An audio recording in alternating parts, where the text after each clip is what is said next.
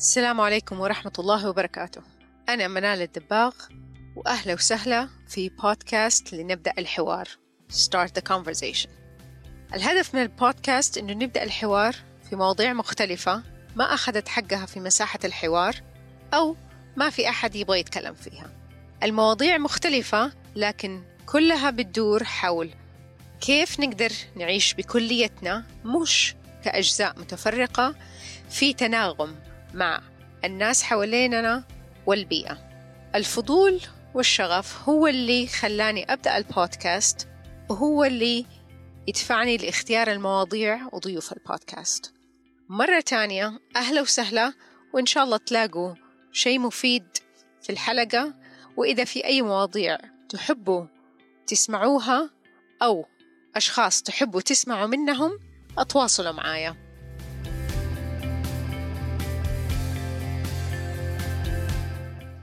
حلقة اليوم باللغة الإنجليزية ضيفتي دكتور جيمي ماريج أخصائية علاج نفسي مختصة بالصدمات وكاتبة عندها عدة كتب عن التشافي من الصدمات وال EMDR مطورة Dancing Mindfulness أسلوب رقص معتمد على المايندفولنس والحضور كمان ساعدت في تطوير يوغا Unchained اتجاه في اليوغا معتمد على كيف يكون عندنا علم بالصدمات.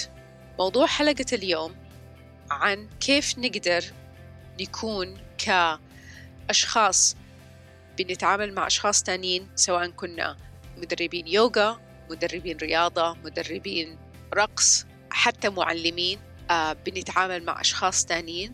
كيف نقدر يكون عندنا علم بالصدمات؟ كيف نقدر نشوف أو ننتبه إذا الشخص اللي قدامنا اللي جاي الكلاس عندنا أو بنتعامل معاهم بطريقة فردية عندهم آثار للصدمات كيف نقدر نتعامل معاها كيف نقدر نقول لهم يراجعوا أو يستشيروا أحد مختص أكثر مننا وكيف نقدر نوفر بيئة قدر الإمكان آمنة لأي شخص بيجينا وبيكون عنده أثار صدمات أو مشاكل نفسية ناتجة عن الصدمات. الموضوع جدا مهم خاصة لأي أحد بيعطي يوغا بيدرب أشخاص في مكان بيتحركوا فيه. إذا في أي أسئلة بالعربي إذا في أي أسئلة لدكتور جيمي ممكن تتواصلوا معايا ممكن تتواصلوا معاها.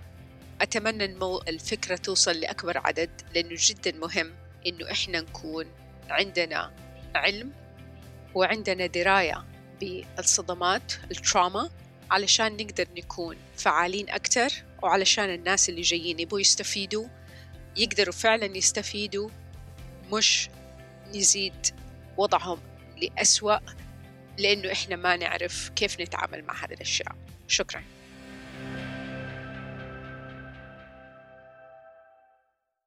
Hello, and welcome for another episode of uh, Start the Conversation uh, podcast, al-hawar Today I have uh, Dr. Jamie Marich with me. She's a facilitator of transformative experiences, clinical trauma specialist, expressive artist, and writer.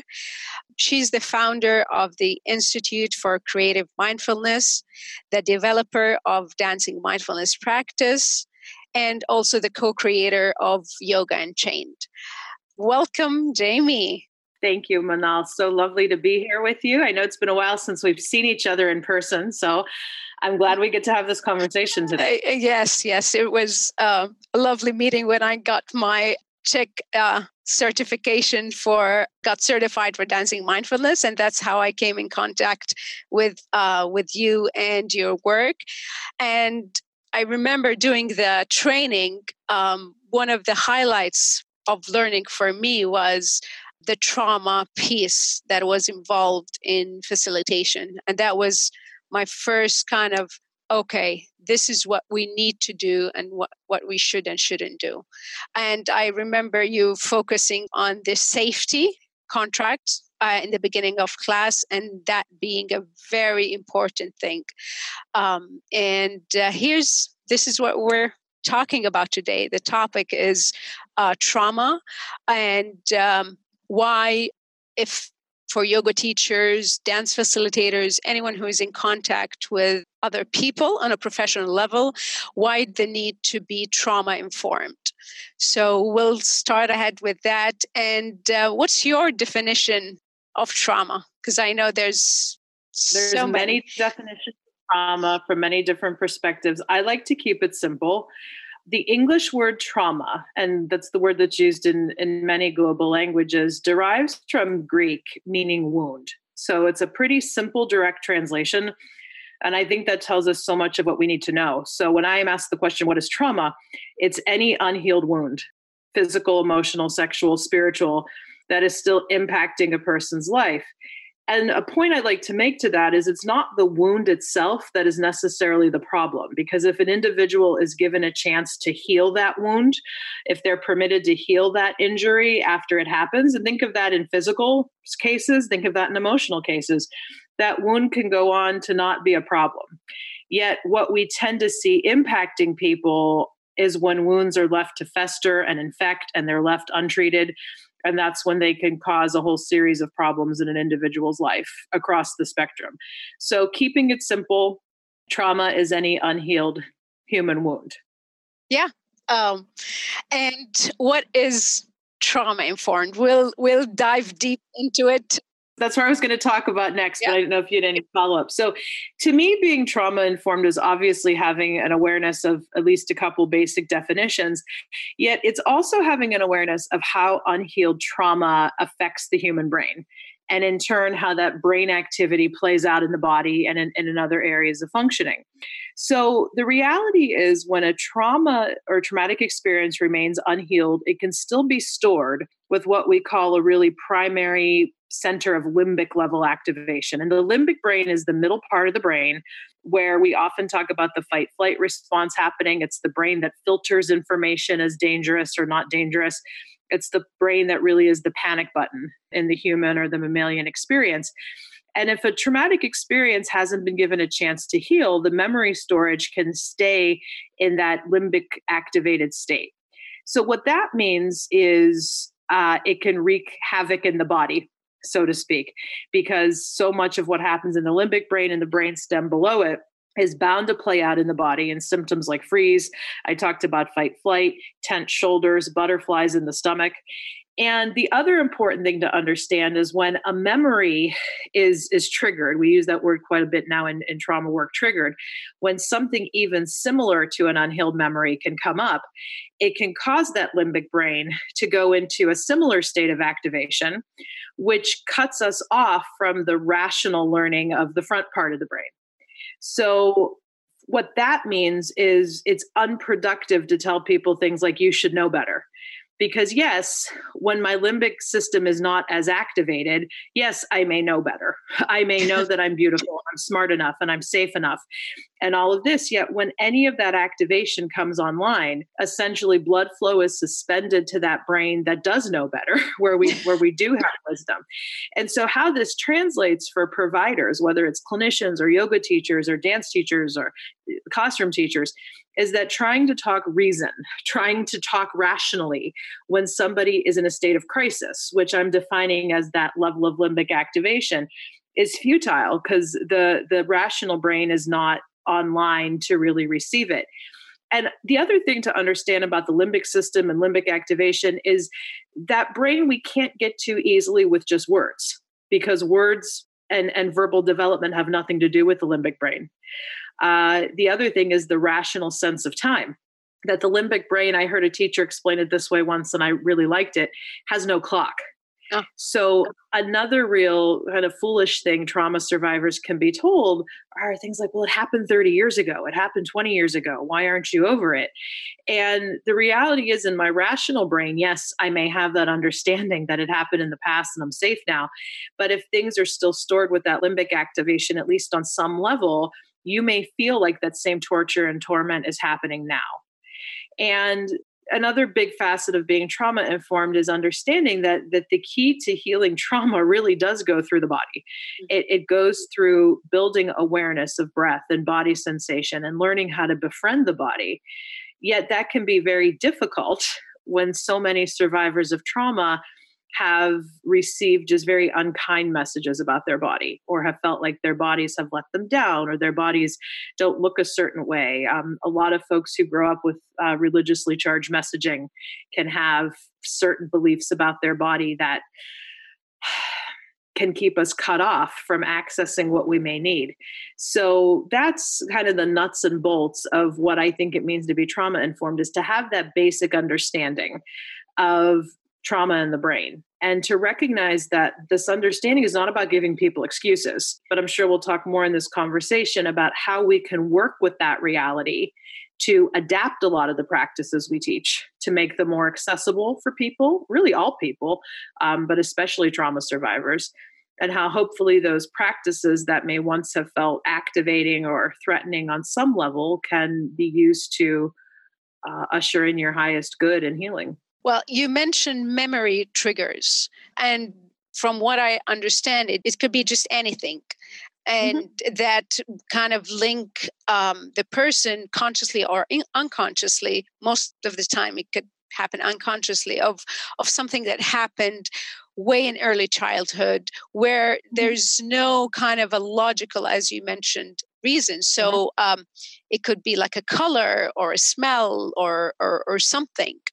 Very much. And there's a proverb that trauma scholars and trauma teachers often use to explain the phenomenon. It's a Chinese proverb which states that once you've been bitten by a snake, you're afraid even of a piece of rope. Mm-hmm. So consider that. I'll say it one more time. Once you've been bitten by a snake, mm. you're afraid, afraid even of a piece of rope. So even if it's not the exact same thing happening to you, anything that feels similar at the level yeah. of the body yeah. if you smell a scent that was there at the time of the trauma, even though it's a totally different context, it can set off that same type of phenomenon. And what a real good comprehensive course of trauma recovery will hopefully help a person to recognize and shift is that the rope is just a rope. Just uh, there's a similar kind of a proverb in Arabic, which is oh yeah yeah I'll, I'll say it in Arabic then I'll explain it اللي يتلدع من الشربة ينفخ في الزبادي which is um, if you get kind of burnt, you, know, you burn your tongue drinking soup, you kind of gonna blow on yogurt. Ah, yeah, yep. So it's it's kind of the same kind of um, right. concept of even though that it doesn't make sense that you're gonna blow on yogurt, but you still do that based on makes perfect sense to me. Yes, exactly. Um, so you mentioned um, different types of trauma, and you mentioned mm-hmm. spiritual trauma, and you other mention, you know, um, how the you know some religious practices can affect how we relate to the body, um, and that brings me to a question of it. Trauma could be anything.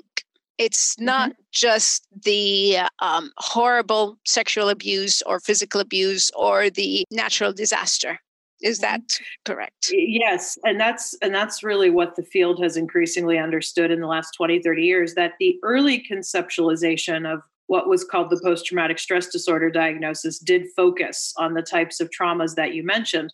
But the more and more we've learned we we've discovered that other life situations that are wounding that maybe previously did not have the connotation as being overtly traumatic can still impact the brain in a similar way. And speaking to the phenomenon I talked about earlier about unhealed wound really being the, the, the variable, that a person could go through something like a natural disaster. And if they have the kind of natural capacity to cope with it, whether it's it's inherent or learned. Uh, they learned the coping skills. Maybe they've received the adequate community support after a natural disaster. Um, they can heal and go on to be okay and and that's that's really the, the same for any type of the traumas that that you mentioned that it's really not the nature of the trauma itself. More so was a person given the time and space and resources if needed to heal with it afterwards? Because we've seen kids who are bullied in school and we're told things like you know just toughen up teachers parents might pretend it doesn't happen and the message learned as a result of that bullying stays stuck in that limbic activation uh, the healing's never able to happen and that thing of bullying can go on to be a worse issue for somebody down the road than let's say somebody who was able to accommodate and heal a natural disaster. So i really don't think it's helpful looking at like the, the nature of the trauma as much as how did it affect the person because i've seen traumas of uh, wounds if, if we're keeping it simple of all different varieties um, affect people in different ways so it's not necessarily about the event so going back with the route of you know talking about the event is that useful alone if someone is traumatized it's a good question um, I, I, you know, I, and I never want to impugn or belittle if that works for somebody to, mm-hmm. to go back and have more of a narrative telling of the event. That for some people that does it, but what trauma focused therapists are generally seeing now is that just being able to recount what happened in a narrative fashion without connecting to the emotional and body experience that is still stored, it's generally not going to be enough. Because we've seen time and time again cases of people who are able to tell you everything that happened, and it doesn't necessarily seem to bother them anymore. Or they can give you a lot of detail about what happened, but they haven't healed from the impact of it. And that's generally a sign for me that they haven't let themselves feel what got stuck at the time. And people ask me a lot, especially when they come into me for therapy do I have to recount everything that happened to me? And my short answer is absolutely not. When people will say, Do I have to relive what happened to me? Definitely not. But what I would challenge you to do is, will you let yourself feel what you haven't been letting yourself feel? For so many years around it. And that could be scary too, to be clear. Um, but this is also where the movement practices that I know you and I love so much, mm-hmm. uh, a lot of the other expressive arts practices can hopefully give people a gentler path into feeling what they have been stuffing or burying connected to the experience. So it goes back to the body. We need to Obviously, start with yeah. the body and and and and go there. And um, that's what I do with my coaching now and i do embodied coaching is and i find that people kind of seem surprised and relieved sometimes mm-hmm. in that i tell them i don't need to know the story and i'm not a therapist so i'm very very clear that i'm not right. going to go there um, and I tell them all I need to know is how are you feeling right now? And yeah. what is you know um, coming up for you right now in terms of sensations? Even if they're just kind of playing with uh, what's bothering them what, what's stressing them in their head but i still also keep you know that line of let's not work on the big stuff because i'm not qualified to do that.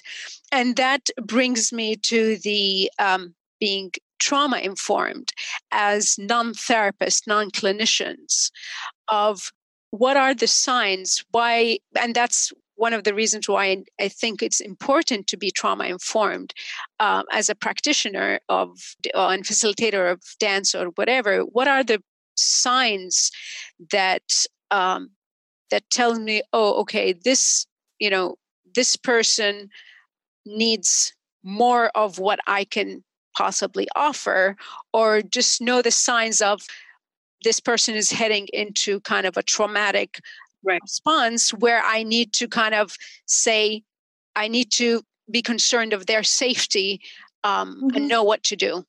Sure. Even before I answer the question, there's just a couple things you said I want to highlight that first of all, being trauma informed is for anybody who works with the public. That yes, clinicians or psychotherapists or psychologists might be the ones who are officially licensed to do the, the deep work with it, but dance teachers, movement teachers, classroom teachers, you are often the ones seeing the first signs of it, mm-hmm. who can at least act in a way that does no further harm if an individual is is kind of getting triggered or tripped up. But even in a lot of your work, what you talked about having people notice sensation without attaching a story to it. I mean, that's a brilliant example mm-hmm. of trauma informed work.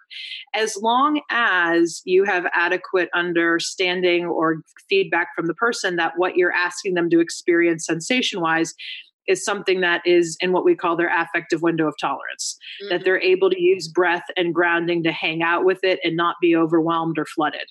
And I think a key thing is to have a stop sign established, especially when you're doing one on one work with someone. Mm-hmm. Um, to, that if, if we've gotten into an area where you feel you're kind of outside the zone of tolerance, let me know in group settings uh, a big precaution i teach is letting people know that like opting out is always an option. That's something we say in dancing mindfulness mm-hmm. that if the energy of the group moving together is getting a little bit outside of that window you have a right to sit out. You have a right to step out of the room. You have a right to like do art or other coloring or writing that might be available in the room.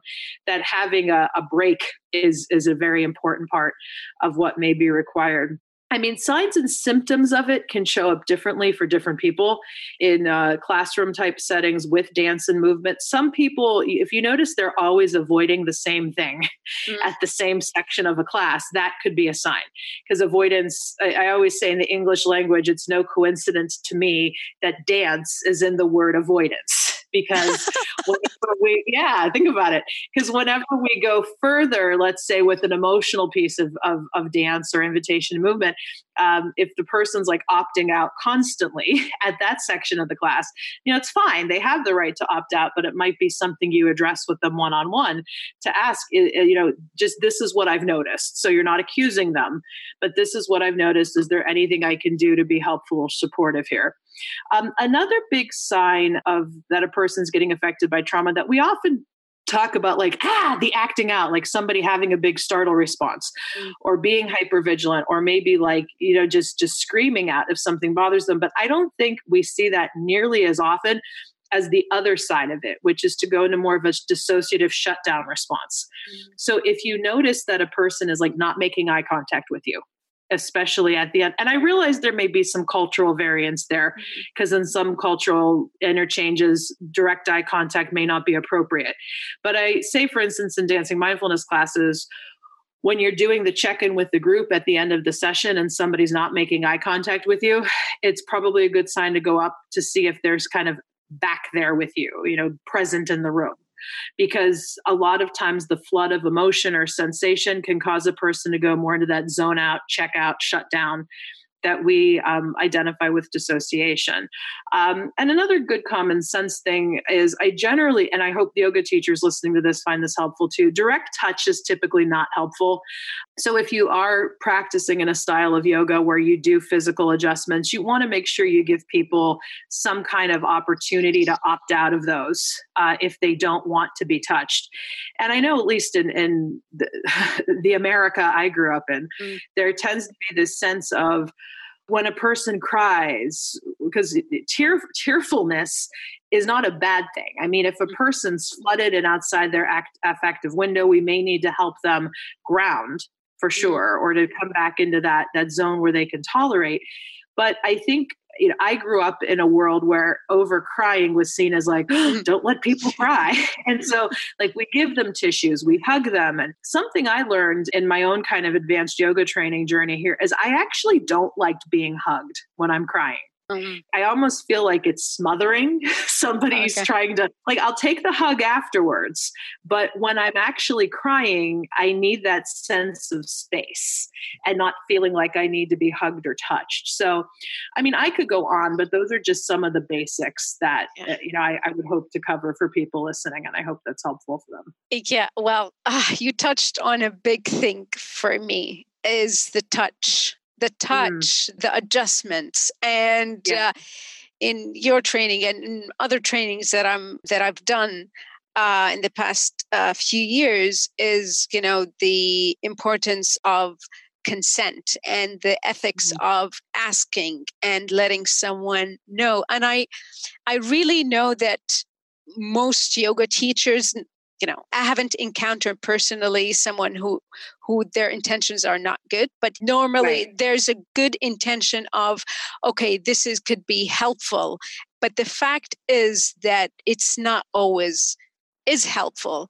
and with right. with the conditioning that at least in our culture and so many cultures that saying opting out or like saying no i don't want to be touched can seem rude and you know kind of unwelcoming. But I personally have grown into please don't mm-hmm. touch me. And once I was in a child's pose, and you know, the teacher came kind of, which is, it feels nice to be kind of mm-hmm. pressed in the back, but because I had mm-hmm. did not see it coming, that kind yes. of ruined my experience. And I remember um, you had an article and a really I was just thinking of that. Yes. Yes. And and a re- adjustment. Yeah. Yeah. And a really I would say comedic, funny video yeah. that you were kind of so, yes, on, on, my resources site, the, the video about all yeah. the ways yoga teachers cross a line. Uh, yeah, I'll I'll put a link to that in the episode notes. But in the spirit of of wanting people to have something to actually do, not telling them you're doing everything wrong. Um, back to that article, and I have shared that article with so many people, uh, especially yoga teachers, because I think it's really important to, you know, set the space and many yoga teachers meditation teachers they they talk about safe space. And I don't know how much of understanding what a safe space is they, you know, they're doing. It's not just saying it's a safe space. Of course, we can't know exactly, you know, everyone who's stepping right. into class, and they might not right. even know that they have trauma, but how do we set the space in a way that be trauma informed? Yeah. And that speaks to another we say in English, soapbox point of mine that I go on and on about whenever I have an audience to do it, is that setting safe space, it's a beautiful intention. I'd like you to think of it more in terms of how can I keep the space as safe as possible for the most people? Because no space is going to be 100% safe for 100% of your people all the time. Mm-hmm because I know as a multi trauma survivor myself, safety is not an all or nothing thing. Every situation I go into, I'm trying to negotiate do I feel safe enough with this person to give it a chance? Because if you you as a survivor are expecting to feel 100% safe before you try something like yoga or dance, it may never come just because of the nature of safety as being something that can exist on a continuum. And the world we live in is just not a safe place if we're mm-hmm. being frank about it. So I encourage teachers to set this intention of what are some small measures I can do to keep the space and the practice safe enough. And a lot of what we covered already are measures you can do. Please, please, please do not tell people you're in a safe place as a way to do that or you're safe here. Because what you are doing when you say that statement is you're telling somebody what to feel. And that is fundamentally not trauma informed because a person may still trying may still try to be negotiating do i feel safe with this person do i feel safe here and then if you come in and tell them what to feel um, that can fundamentally be very invalidating. Mm-hmm. So, I mean, as a teacher, I've said things like, I'd like to try to make this safe space as safe enough, as safe as possible for the group. So, here's some guidelines that we'll endeavor to practice. But anytime you talk in language that tells people what they should be feeling, mm-hmm. is fundamentally not validating and not safe, not trauma informed. Because the article you referenced, I even have a big passage in there that it grates me when I hear yoga teachers or dance teachers say things like, well, this movement alleviates back pain because you may be dealing with people who have serious back injuries. And yes, that pose or that movement may be known. So even listen to the language change up, at least in English. Like it may be known to alleviate back pain. It could be helpful to the back, but don't speak in absolutes. Even when it comes to this pose feels wonderful. Because I know as from the yoga perspective, downward dog is still a challenge pose for me. Mm-hmm. And it really grates me when teachers talk about, oh, it's a resting pose and it's a wonderful stretch. when they gush on and on about their favorite pose and i'm just as guilty i could do it with child's pose because i love child's pose i think it's it's an awesomely beautiful stretch but i'm aware that there are people out there who find it claustrophobic and it's mm-hmm. challenging so i think part of the recognition is that every pose can be its own challenge for different people and so, even bringing some of that awareness into your language and facilitation, and then just not speaking in absolute terms is a really good way to create safe space. And I even did it over the weekend. I was teaching a yoga class and I said, This is one of my favorite poses. I don't know how you'll feel about it, is one of my favorites. So if I want to give that punctuation about how helpful a pose can be, I'll keep it on me, but let people explore it for themselves. Yeah, uh, one of the things that gets me if I'm in class is when the teacher says, I'm sure you'll feel wonderful, or something oh. on that terms. Oh, you're going to finish the class and it's going to be the best thing. And in my head, it's like, how could you, ah! how could you be sure that this is going to be a wonderful right. experience? Because, yeah. you know, I might be bored. I might just, you know, be too hot or have a headache and not end up having a, a great experience. Avoid telling people what to feel, avoid telling people what they need yeah. is just a great trauma informed strategy. I, and I, I learned this the hard way where I was teaching an embodied yoga principle workshop, and last one is self care, which is a mm-hmm. self hug. And I mm-hmm. love that and I could stay in that posture for for some time and it's just so joyful and, and uplifting. And I've kind of made the mistake of having that uh, kind of I was thinking it was a cherry on top. At, yeah, the end, yeah. at the end of the class. And one of the participants had a major kind of overwhelm with that. And um, and I still feel bad about it right now, is that she had to rush you know, because I made that kind of the end of the class and she had to mm-hmm. leave and I didn't have the chance to witness that or kind of help her a little bit to get out of that overwhelm. And since that day, I was like, I'm not going to assume that a posture or a song or something would have the same effect and it would be amazing mm-hmm. for other people as it is and what you just said right there is key that to be a trauma informed facilitator, learn from your mistakes because yeah. you will make them.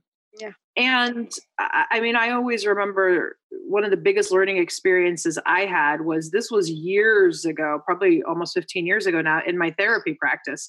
I had just been trained in EMDR. I had just learned I don't know, some kind of guided imagery technique that we do in EMDR. And it was so automatic for me to say to my client, close your eyes, because that's how they taught us. And so many imageries I had received were closing the eyes. And we were going into this exercise, and the client, about a minute or two in, just screamed. And uh, Bolter goes, No, no, I'm not want to do this anymore. And so we took a breath. I asked her to to help me understand what happened, and she said, "My eyes were closed." She said, "When I was abused, it was in the dark."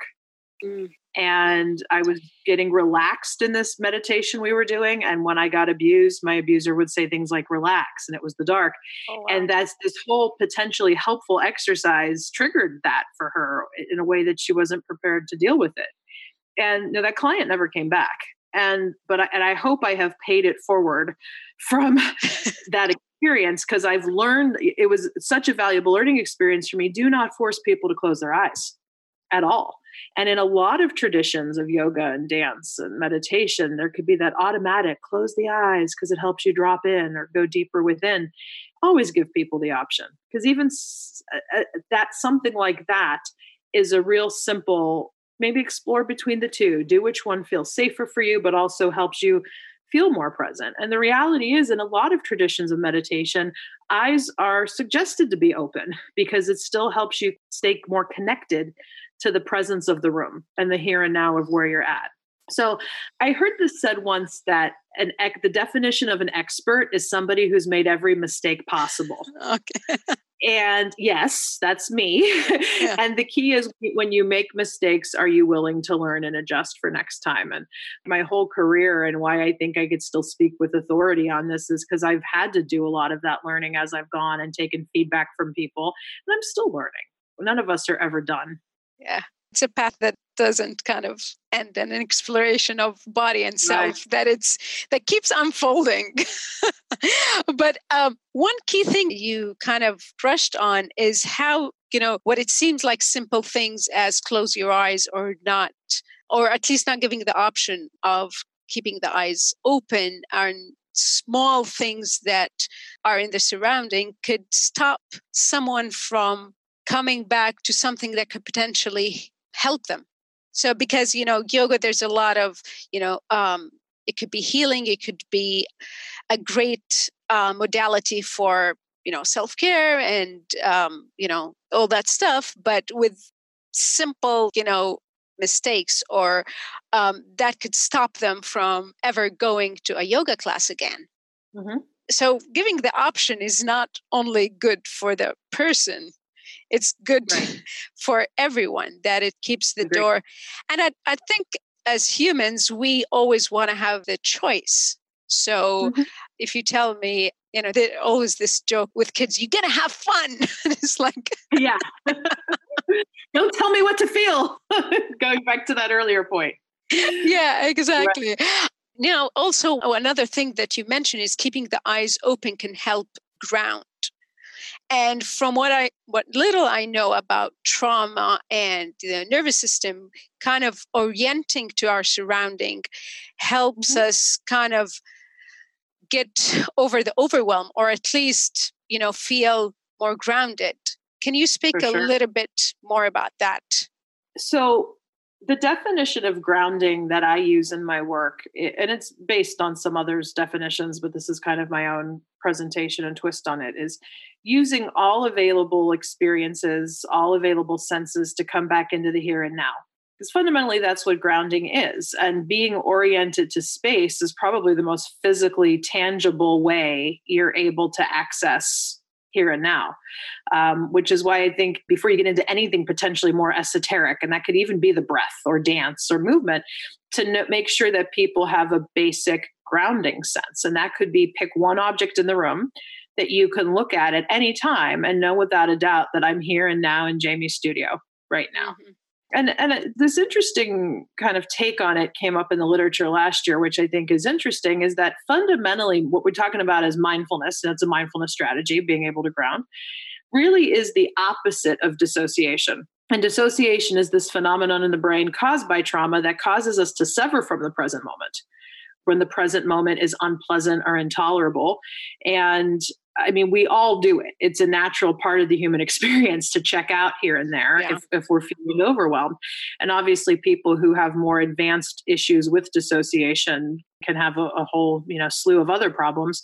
But the reality is, when we're inviting people back into this place of mindfulness and grounding, what we're saying is, you know, come back so to speak, to the moment. You know, I know there's neuroscience to support this, and that's not my strongest suit on, on this yeah. as much as it is kind of the fundamentals of teaching it, which is that when I'm defining mindfulness, it is that process of coming back into the here and now, which suggests for me that you're coming back into awareness that your attention drifted. And that's normal, especially in our culture today. You were always being pulled in a million directions but yeah I, I, I encourage people to be kind with themselves because even your awareness that your attention wandered something told you that too mm-hmm. that wait i'm not aware anymore. So even that is practicing being able to to come back to this nowness to this this.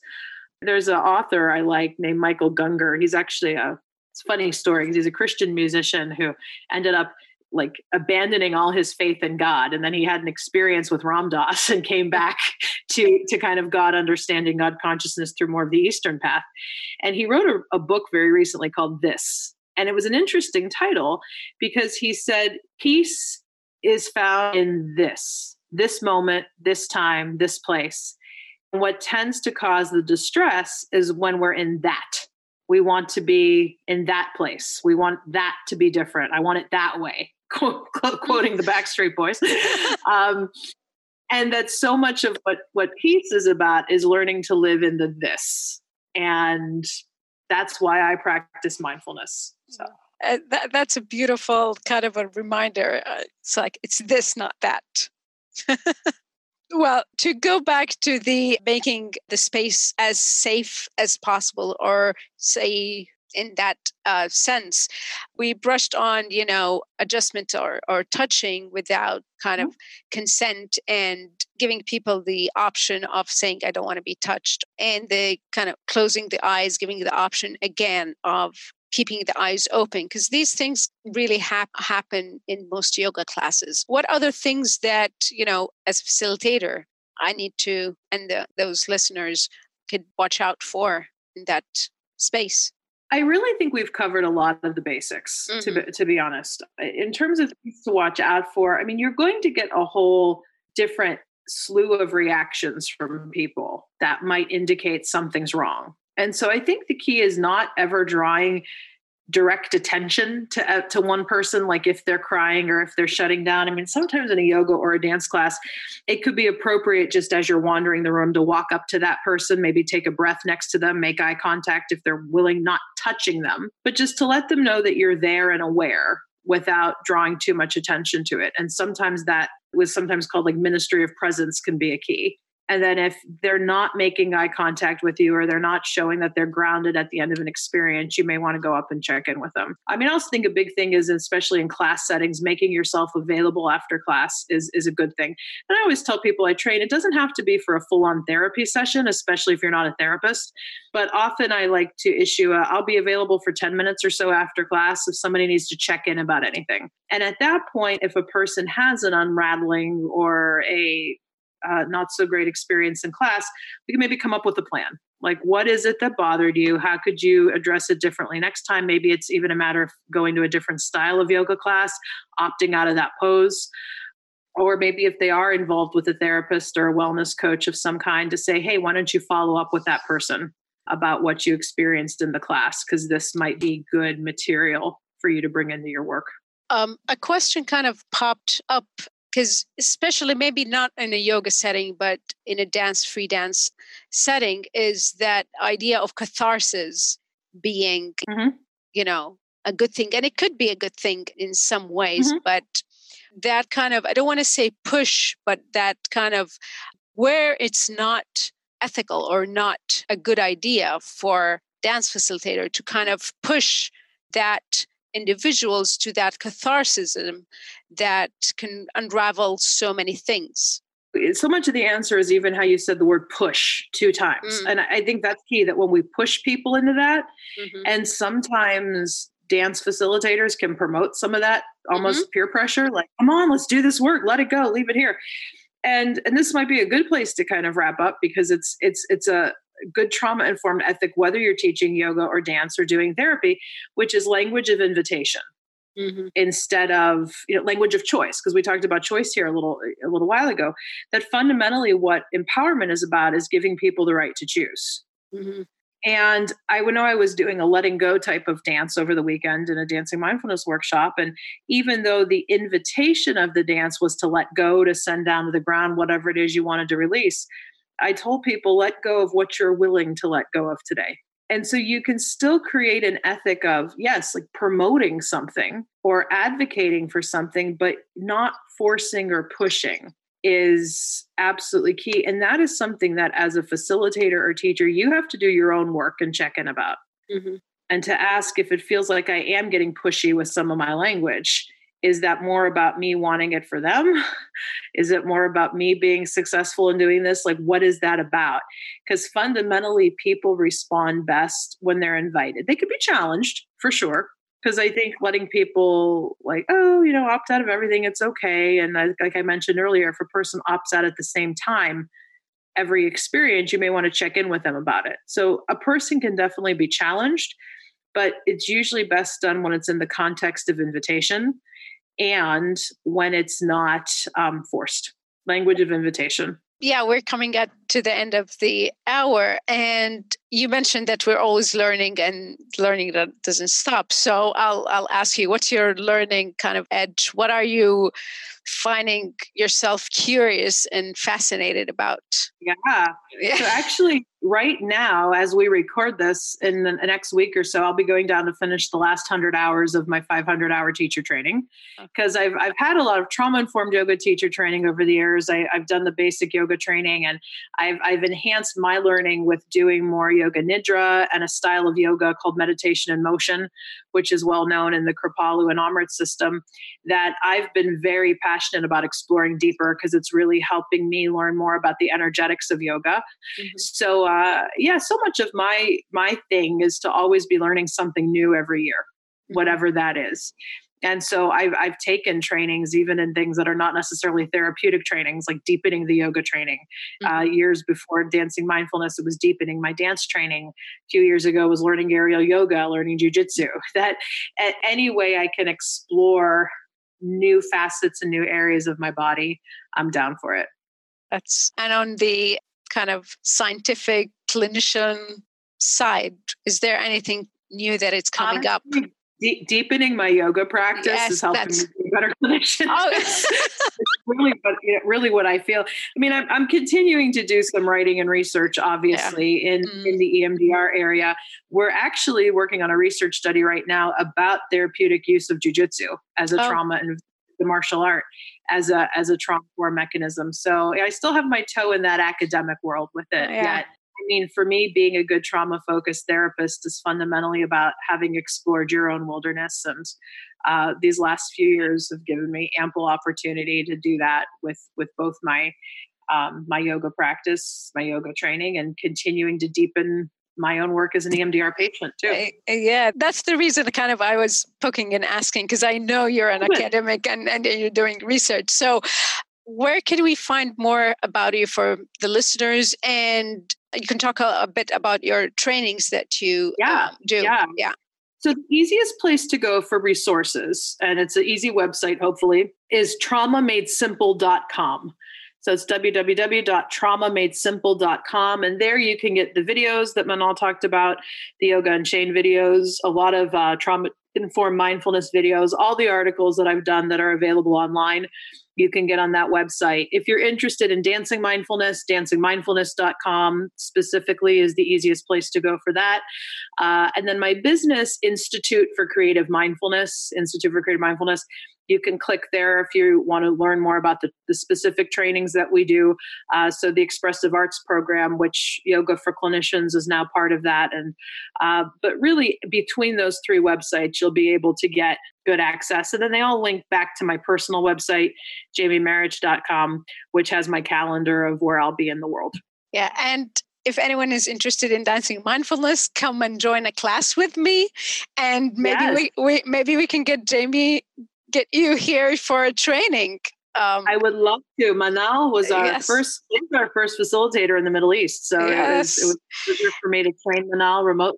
You know, I'll say I, I said at the beginning of the episode. I'll say it again. I've learned so much from that training. My you know beginning of being trauma informed was with that training, and I've learned to keep colors, paper, kind of mandalas, printouts, and put it to the side of the room and give people the option of at any point you want to go sit in color or do anything and do any writing, feel free to do that. And I think giving them something that they could do, kind of more encouraging for them to opt out or sit out instead of right. just sitting in the corner and doing nothing and they might feel kind of self-conscious um, right. so yeah that was a great thing that i've taken not just into dancing mindfulness but for all my other workshops